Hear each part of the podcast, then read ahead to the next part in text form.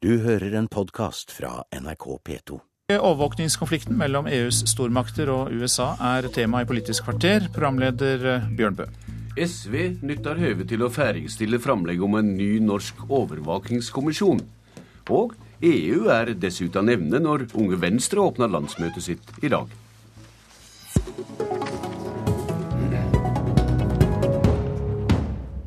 Men eh, først i Politisk kvarter. I dag er det en ny runde med uro kring landbruksminister Sylvi Listhaugs tidligere virke som kommunikasjonsrådgiver. Hvordan kommenterer du at dette holder fram nestleder i SV, Bård Vegar Solhjell?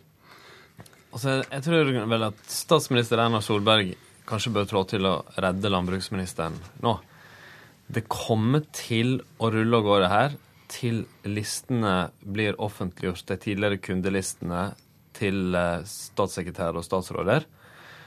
For det første så er det nå mange flere. Det er opptil en fjerdedel av statssekretærer og rådgivere som kommer fra PR-bransjen. Og det er første gang en statsråd og svært sentrale personer på statsministerens kontor og i Finansdepartementet.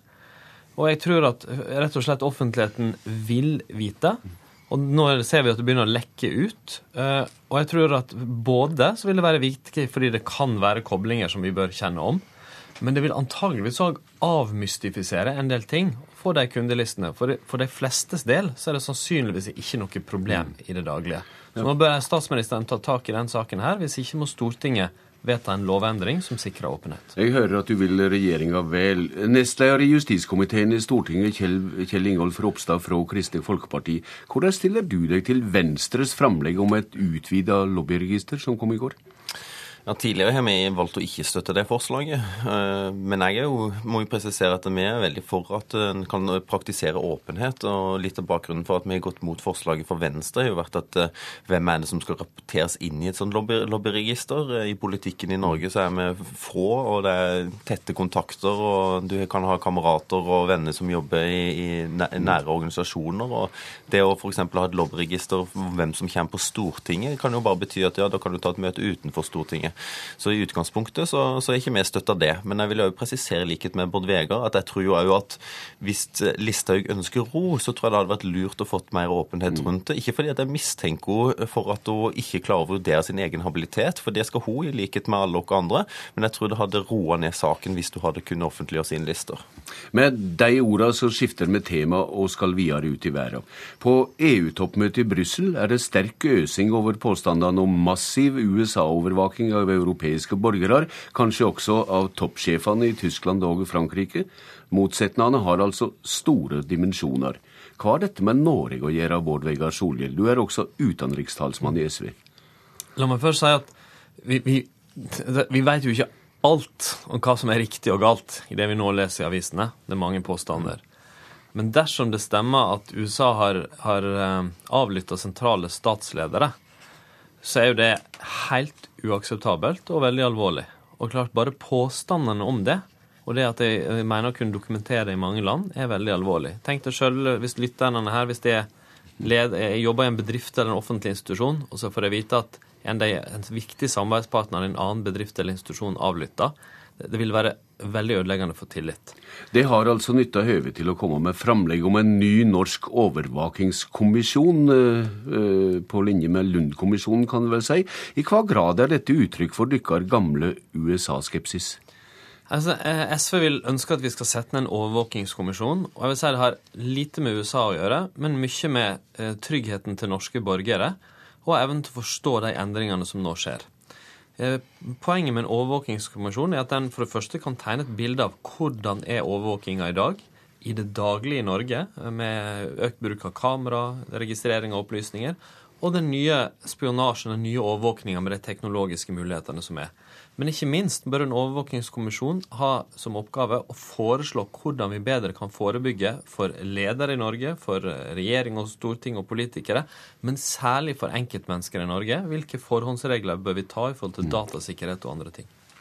Det har vært vanskelig å få representanter for regjeringspartiene hit for å snakke om de påståtte eh, overvåkingsskandalene.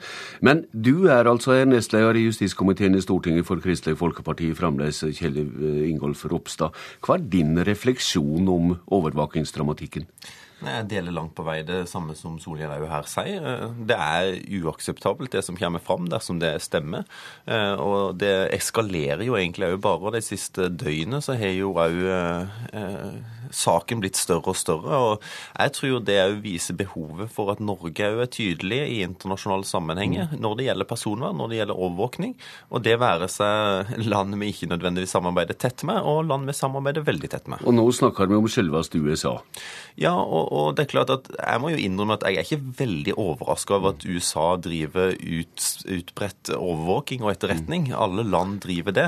Men, men her er det jo òg et tilfelle, eh, som Bård Vegar er inne på, når det gjelder en statsleder som bryter ned tillit, og det er jo veldig uheldig. Hva sier du til SV-framlegget om overvåkingskommisjon?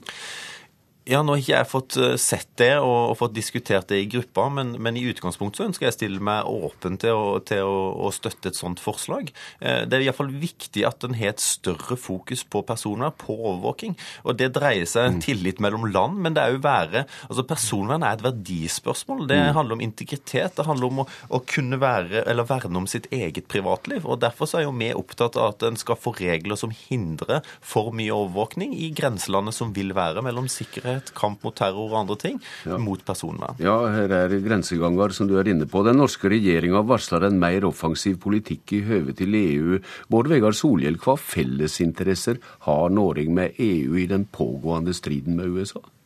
For det første er det jo ganske brei enighet om at vi skal ha en eh, aktiv europapolitikk. Og jeg, jeg håper at regjeringa, enda mer enn vi har gjort den forrige regjeringa, tar tak i det. I mange av de spørsmålene her har vi etter mitt syn ganske felles interesse med EU-land. Og jeg tror vi finner mange like holdninger i Europa. Både eh, en aktiv holdning til eh, personvern og datasikkerhet, men òg til at eh, altså vilje, forhåpentligvis blant mange, mm. til en saklig kritikk at man kan faktisk ikke overvåke allierte statsledere eh, dersom det nå viser seg å ha vært tilfellet. Men så tror jeg òg at eh, vi fra Norges side eh, må ta tak i de utfordringene sjøl. Se på hvordan kan det her ramme mennesker i Norge. For eksempel så møter jeg mange som spør e-poster jeg sender, eller mine telefoner hvis jeg er i USA, er det noen sjanse for at de blir overvåka? Og jeg har ikke svaret, men jeg tror at det å få mer kunnskap om den typen ting vil være viktig, og eventuelt treffe tiltak. Ja, disse grensegangene som Ropstad også var inne på, de er kanskje vanskeligere og vanskeligere ettersom den teknologiske utviklinga går sin gang. Og Ropstad, i hva grad har Norge et større verdimessig fellesskap med EU enn med USA i disse personvernsakene? Det er altså mange framstiller det som at kravet til trygghet i visse sammenhenger må snevre inn ja. personvernet. Ja, nå virker det iallfall som at engasjementet i Europa blir mye større, og at eh, på bakgrunn av de avsløringene som har vært, så vil det det er jo et større fokus på personvern. For vi har jo opplevd ta datalagringsdirektiv som ett eksempel. Det er jo en massiv overvåkning av uskyldige borgere i Norge eller i andre land, europeiske land. Så jeg håper jo at eh, konsekvensene av de avsløringene som har vært, er at det får et større fokus, og at kanskje EU òg går i spissen for at du får direktiver for personvern istedenfor ja. overvåking. Når vi nå snakker om datalagringsdirektiv, det vil si du gjorde det, Ropstad, hvordan vil det i Kristelig Folkeparti håndtere disse overvåkingsspørsmålene i høve til regjeringa? Det skal vi jo inn i dialog eh, med regjeringspartiene om nå. Eh, vi har jo tidligere vært imot, og mens Arbeiderpartiet og Høyre sikra flertall for det i Stortinget. Men nå skal vi første runde gjennom budsjettet, for der ligger det store bevilgninger til datalagringsdirektivet, som vi i utgangspunktet mener burde vært brukt på en mye bedre måte. Nei, Jeg er enig i det Ropstad sier her om datalagringsdirektivet. Det viser jo både at i Norge og Europa så har det vært ja, kanskje en naiv tro på at uh, vi kan uh, vedta oss en sikkerhet, og at uh, vi undervurderer personvernsider. Og vi har òg sett den forrige Høyre-lederregjeringa som åpna opp for romavlytting, som mm. måtte trekkes tilbake igjen. Så jeg tror at både i Norge og Europa så trenger vi en oppvåkning og se de utfordringene for enkeltmennesket som eh, den nye teknologien gir. Likevel sa du nettopp at uh, Norge og EU har mange felles interesser i denne saka? Ja, det tror jeg. Fordi uh, det vi har felles interesse av, det er en tydelig og saklig kritikk mot USA for det som nå blir avdekka.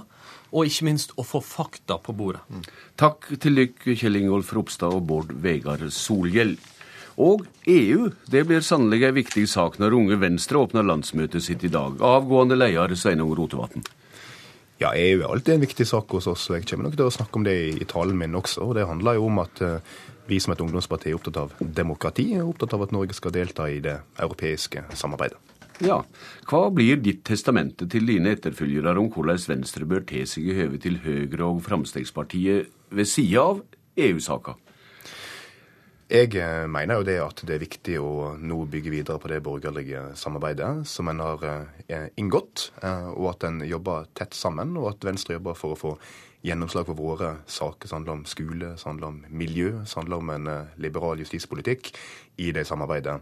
Jeg tror nok Mitt viktigste budskap til Unge Venstre i dag når jeg skal tale til landsmøtet, vil være at en som ungdomsparti alltid må våge å innta radikale standpunkt. En må ikke være redde for å utfordre det bestående, og ikke bare tenke på det som er lurt, men det som en mener er riktig. Det mener jeg er det som har kjennetegna Unge Venstre som ungdomsparti i, i, alle år, og det er jeg opptatt av at eh, skal fortsette å kjennetegne Unge Venstre. Mm. Emil André Erstad, du er nyvalgt leder i Kristelig Folkepartis Ungdom. Du har sagt at ditt parti må orientere seg bort fra de regjerende høyrepartiene. Hva legger du i det? Eh, noe av den beste som var med den prosessen fram mot valget nå i høst, det var dan og dannelsen av den nye regjeringen, det var jo at Venstre og KrF la bort den allergien eh, de har hatt mot Frp. Mm. ikke fordi Frp plutselig har fått en god politikk, men fordi en sa at politikken skulle avgjøre. Og det mener jeg bør være gjeldende òg for den andre sida, hvis sentrumsposisjonen som, som posisjon skal overleve i norsk politikk, så må vi kunne forhandle om makt begge veier. og Det mener jeg vi må holde fast ved, og ikke binde oss for tett til ei rød eller blå mast. Men jeg siterte deg nesten ordrett. Mm. Orientere seg bort fra de regjerende høyrepartiene? Ja, vi må ikke tette, eh, eller få en for tett kontakt med, med regjeringspartiene. Det mener jeg er viktig at vi, vi ikke binder oss for tett til de, eh, den masten. Hvordan skiller du deg fra Unge Venstre og Rotevatn, som har blitt stortingsrepresentant? Eh, jeg tror noe av det som er forskjellig i KrFU og Unge Venstre, er jo at vi, eh, vi har en del eh, ulik oppfatning av eh, frihetsbegrepet. Mm. Samtidig så har vi en del fellesprosjekt i norsk politikk, og det er jeg opptatt av at vi skal få fram. Det kommer til kampen mot fattigdom, det kommer til kampen mot klimaendringer. Eh, og i skoledebatt etter skoledebatt så satt vi sammen og, eh, og snakka om eh, bærekraftig velferd for framtida, og det tror jeg vil være viktig prosjekt i tida framover som sentrumspartiene kan løfte. Rotevatn, hvor overordna sterk mener du lojaliteten bør være til regjeringa? Nei, vi, Venstre er et, eh, et opposisjonsparti til, til regjeringa, men vi er vel det jeg vil kalle et eh, privilegert opposisjonsparti. I den forstand at vi mm. har førsteforhandlerrett, og at vi har fått en del betydelige gjennomslag allerede i utgangspunktet, f.eks. Verna, Lofoten, Vesterålen, Senja. Jeg er opptatt av at vi de neste åra nå skal jobbe sammen med eh, regjeringa, være konstruktive. Selvsagt benytte det armslaget vi har i Stortinget til å markere egen politikk, men også få gjennomslag. Og gjennomslag får det gjennom å danne flertall. Eh, og da har vi forplikta oss til å jobbe tett sammen med Høyre-Frp-regjeringa, og det ser vi så langt har gitt gode eh, gjennomslag for Venstre. Erstad, når du har snakka spesifikt om sentrumsorientering, i hva grad tyder det også Arbeiderpartiet? Jeg mener vi må kunne være åpne for at eh, vi ikke utelukker parti på bakgrunn av hva de heter eller hva farge de har. Nå har vi en veldig god avtale med Høyre og Frp, og det var fordi vi, skulle, eh, vi hadde en rød-grønn regjering vi var misfornøyd med. og Det mener jeg var riktig at vi fikk en god avtale der med godt sentrumsgjennomslag. Eh, nå må vi heller ikke da gjøre den samme feilen som vi gjorde med Frp ganske lenge, at vi utelukker pga. Eh, partinavn. Jeg mener vi må si at eh, det er politisk gjennomslag som avgjør, og det er avgjørende for sentrumsposisjonen. Og det kan innebære Arbeiderpartiet? Det mener jeg at det, bør, at det ikke bør utelukkes. ja. Hva sier du til det, Rotevatn? Nei, eh, Min mening om det er at nå syns jeg at Arbeiderpartiet og i og for seg også SV og Senterpartiet har godt gått av noen gode år i opposisjon. Nå er det på tide å eh, lufte litt ut og tømme skuffer og skap og føre en ny politikk. Og jeg mener også at den Eh, Trontaledebatten som jeg har vært med på i Stortinget siste veka, viser at eh, de rød-grønne ikke helt har området seg enda, og fortsatt forsvarer alt det bestående, og ser ikke etter nye løsninger. Så jeg er opptatt av at nå skal en bygge et, et borgerlig samarbeid som skal vare en stund. Selvfølgelig betinget av at en får betydelige gjennomslag, men jeg ser jo at det er noe som binder en sammen på borgerlig side. Og det er jo det jeg vil kalle mange liberale grunnverdier som handler om tillit til sivilsamfunnet, at folk kan velge sjøl trua på at markedsøkonomi er det som sikrer best vekst og velstand, og at den skal hjelpe de som trenger det aller mest. Det er noe som en har felles, og som er viktig å bygge videre på. Erstad, hvor mye godhug har du i moderpartiet ditt, syns du, for synsmotene, mellom annet om å ha en åpen holdning til Arbeiderpartiet?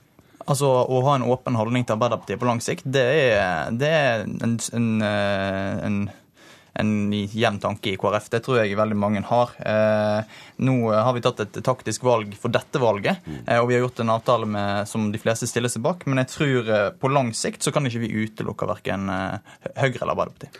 Takk til dykk og Rotevatn. Lykke til med sluttsalutt til Unge Venstre. Takk for det. Jeg gleder meg, og det er alltid kjekt på landsmøtet. Politisk kvarter er slutt. Jeg heter Bjørn Bø. Du har hørt en podkast fra NRK P2.